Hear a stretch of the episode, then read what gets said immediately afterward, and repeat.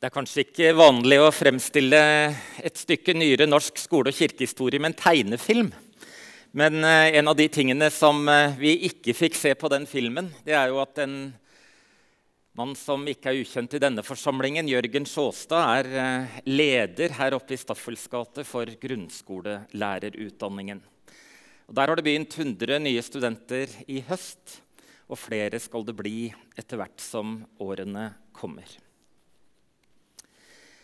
I dag er det en eh, kort prekentekst fra Johannesevangeliet i det tolvte kapittelet, vers 35 og 36.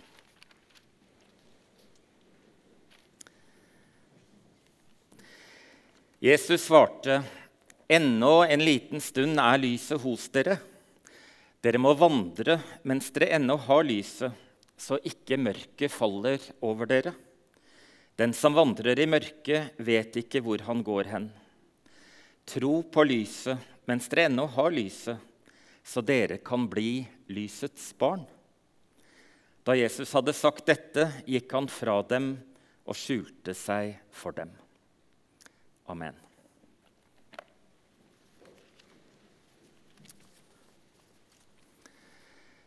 I de senere årene så har eh, Norge fått mange turister som kommer for å se på fenomener som har med lys og mørke å gjøre.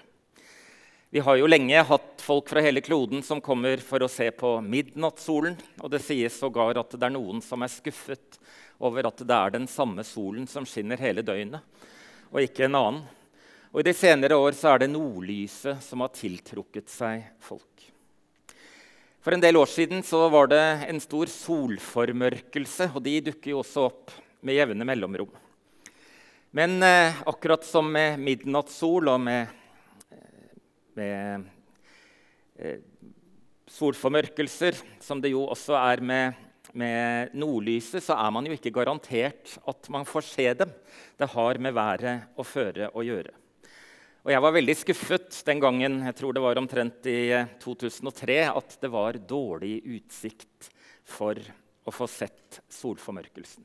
For jeg hadde en fortelling med meg fra barndomshjemmet om mor som fortalte om den store, store solformørkelsen på 50-tallet. Og da sa hun da ble det mørkt. Det ble kaldt. Fuglene sluttet å synge. Det kom en vind, og det raslet i løvene. Og det ble mørkt midt på dagen. Det var en dramatikk når lyset ble borte. De som var vitne til det, de ville aldri senere være i tvil om en elementær sannhet at uten solens lys og varme så ville livet på jorden dø.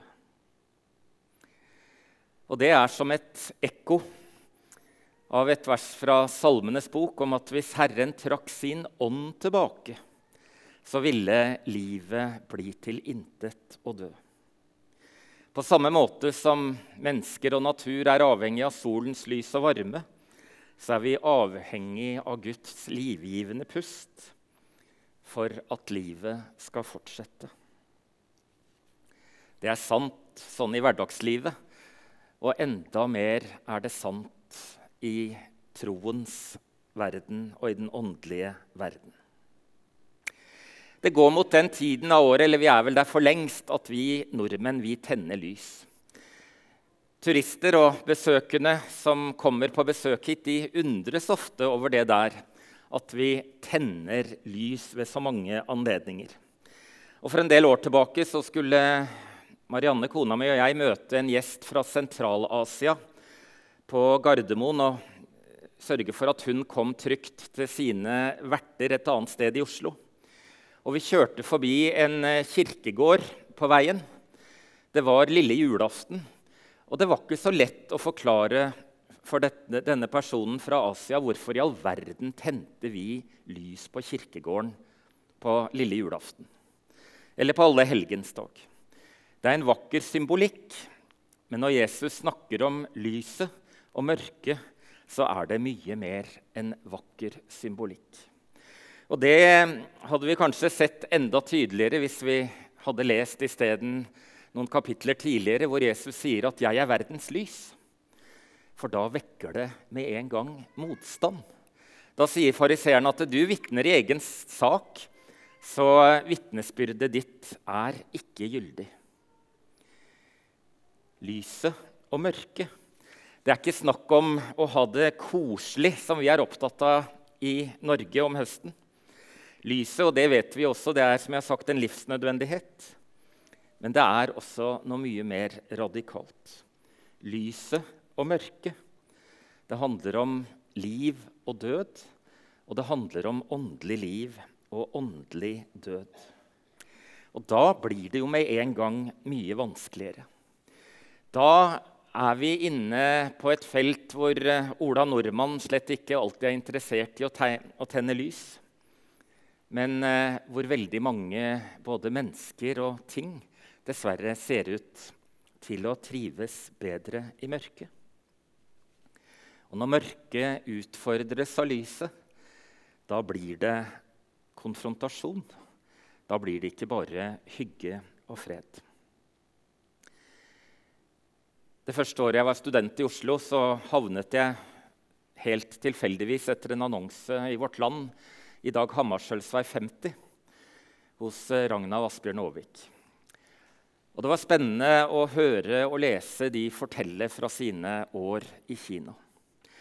Og I en av bøkene forteller Asbjørn Aavik om en gang han sammen med en kinesisk evangelist var på prekenferd inne i en dal, langt borte fra ikke bare folkeskikken, men langt borte også fra noe sted hvor evangeliet om Jesus Kristus hadde blitt forkynt noen gang. Og Han forteller at et sted så bodde det en gammel mann som eh, kineserne visste var plaget av onde ånder. Og Idet døra går opp og Åvik og denne kinesiske evangelisten går inn, så roper denne gamle mannen med forvridd stemme, 'Hva vil du med oss, Jesus fra Nasaret?' Det var som et ekko fra evangelienes beretning om de besatte som kjente Jesus så altfor godt og visste at i det øyeblikket han og hans kraft nærmet seg, så var deres kraft og autoritet truet, og da ble det konfrontasjon. Jeg tilbringer i det daglige arbeidet mitt i Det Norske Misjonsselskap en del tid sammen med to studenter fra Madagaskar om dagen. Og Vi bruker en del tid på å snakke sammen om forskjell på gassisk kultur og norsk kultur. Gassisk kirkeliv og norsk kirkeliv.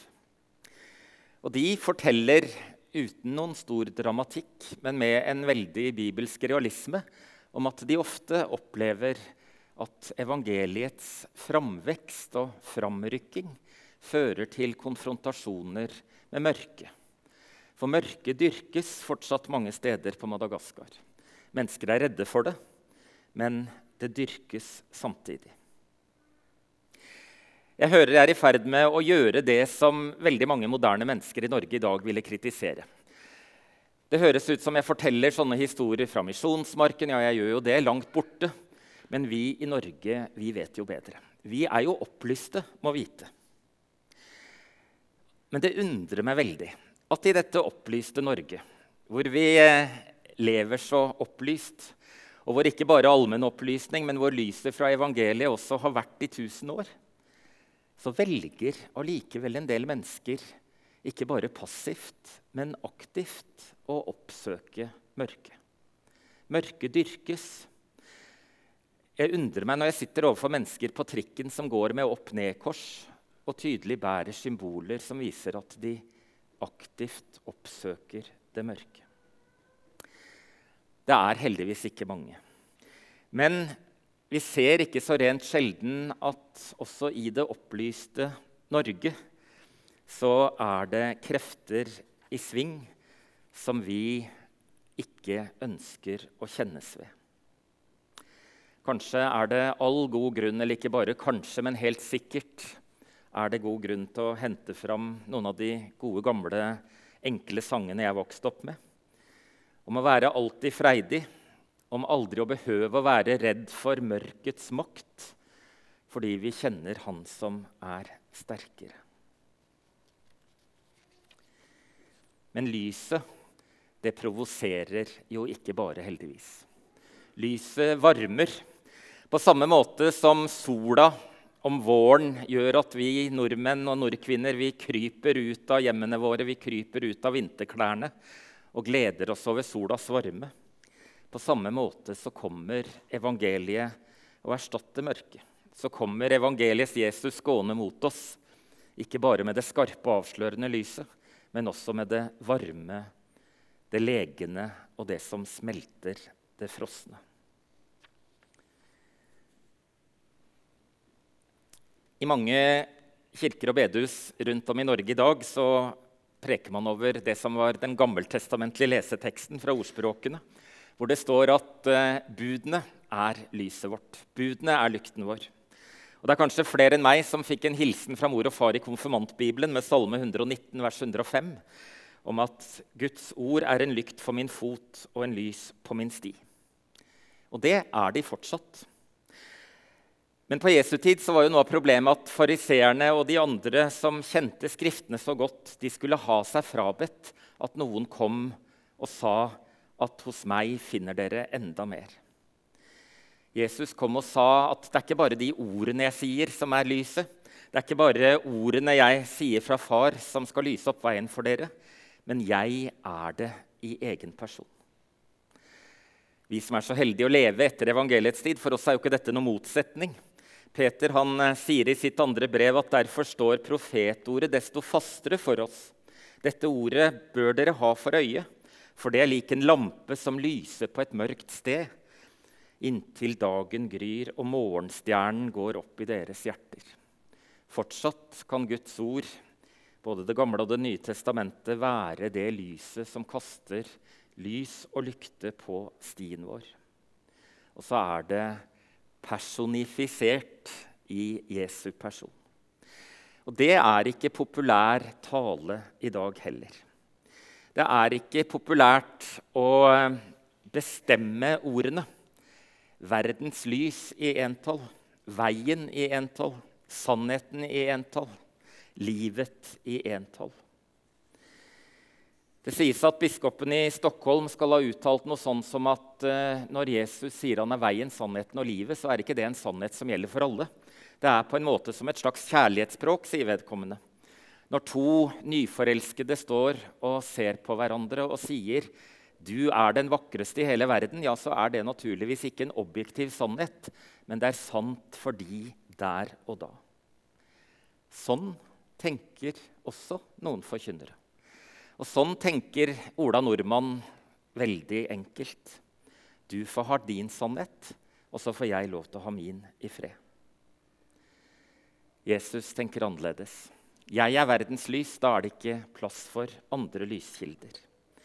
Jeg er veien, sannheten og livet. Da er det ikke alternative ruter eller omkjøringer. Jeg sa at lyset avslører. Og det er vel eh, erfaringen fra alle som har eh, sola skinnende inn gjennom stuevinduet.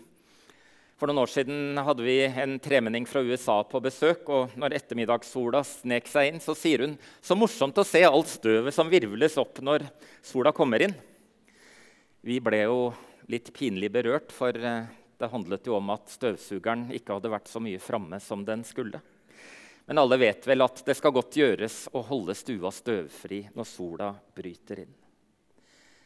På samme måte kan du og jeg oppleve at når lyset faller over livet vårt, så avsløres støvet.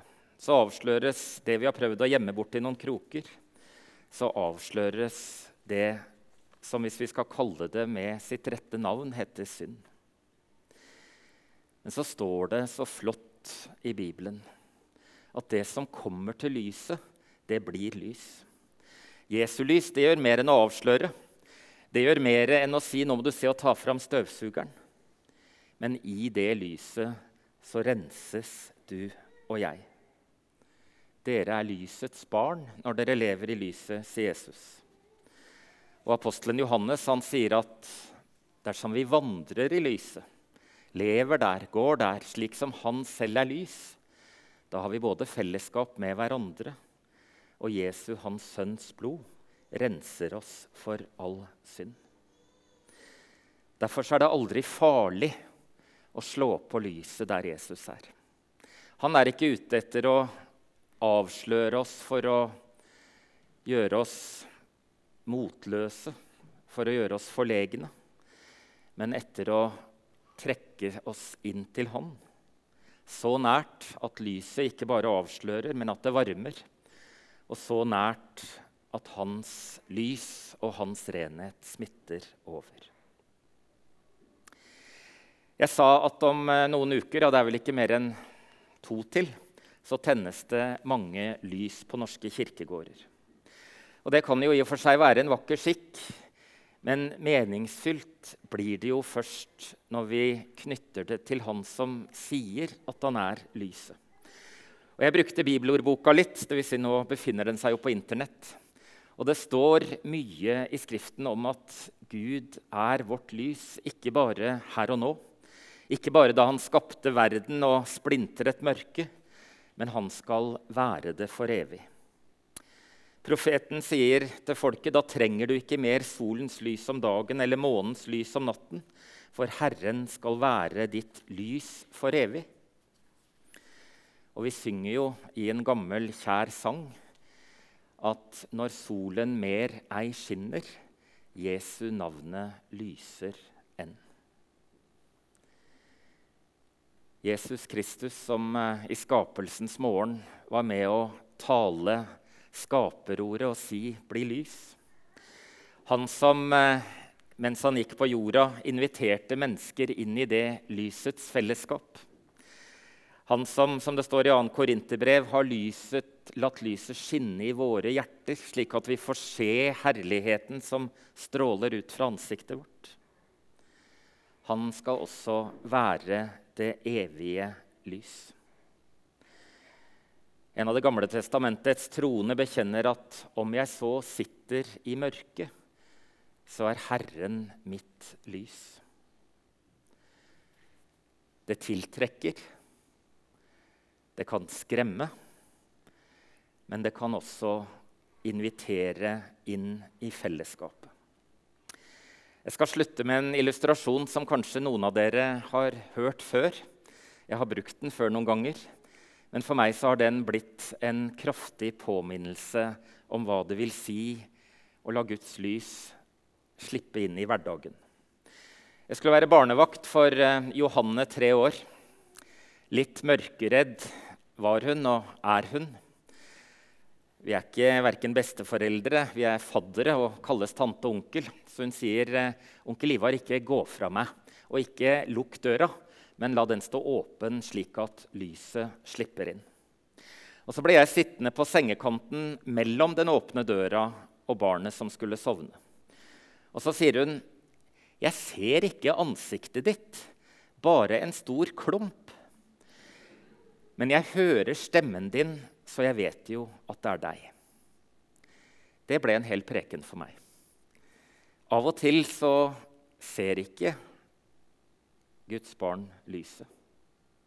Av og til så ser det ut som om hans ansikt er i skyggen, selv om vi jo vet at vi eier det livets lys. Av og til, og kanskje ikke så rent sjelden, er det sånn at vi må greie oss med stemmen. Og som Johannes sa, 'Jeg hører jo stemmen, så jeg vet at det er deg'. Da var hun trygg og kunne sovne. Mine sauer hører min røst, sier Jesus. Så lenge vi hører hans røst, så vet vi at livets lys er i nærheten. La oss be.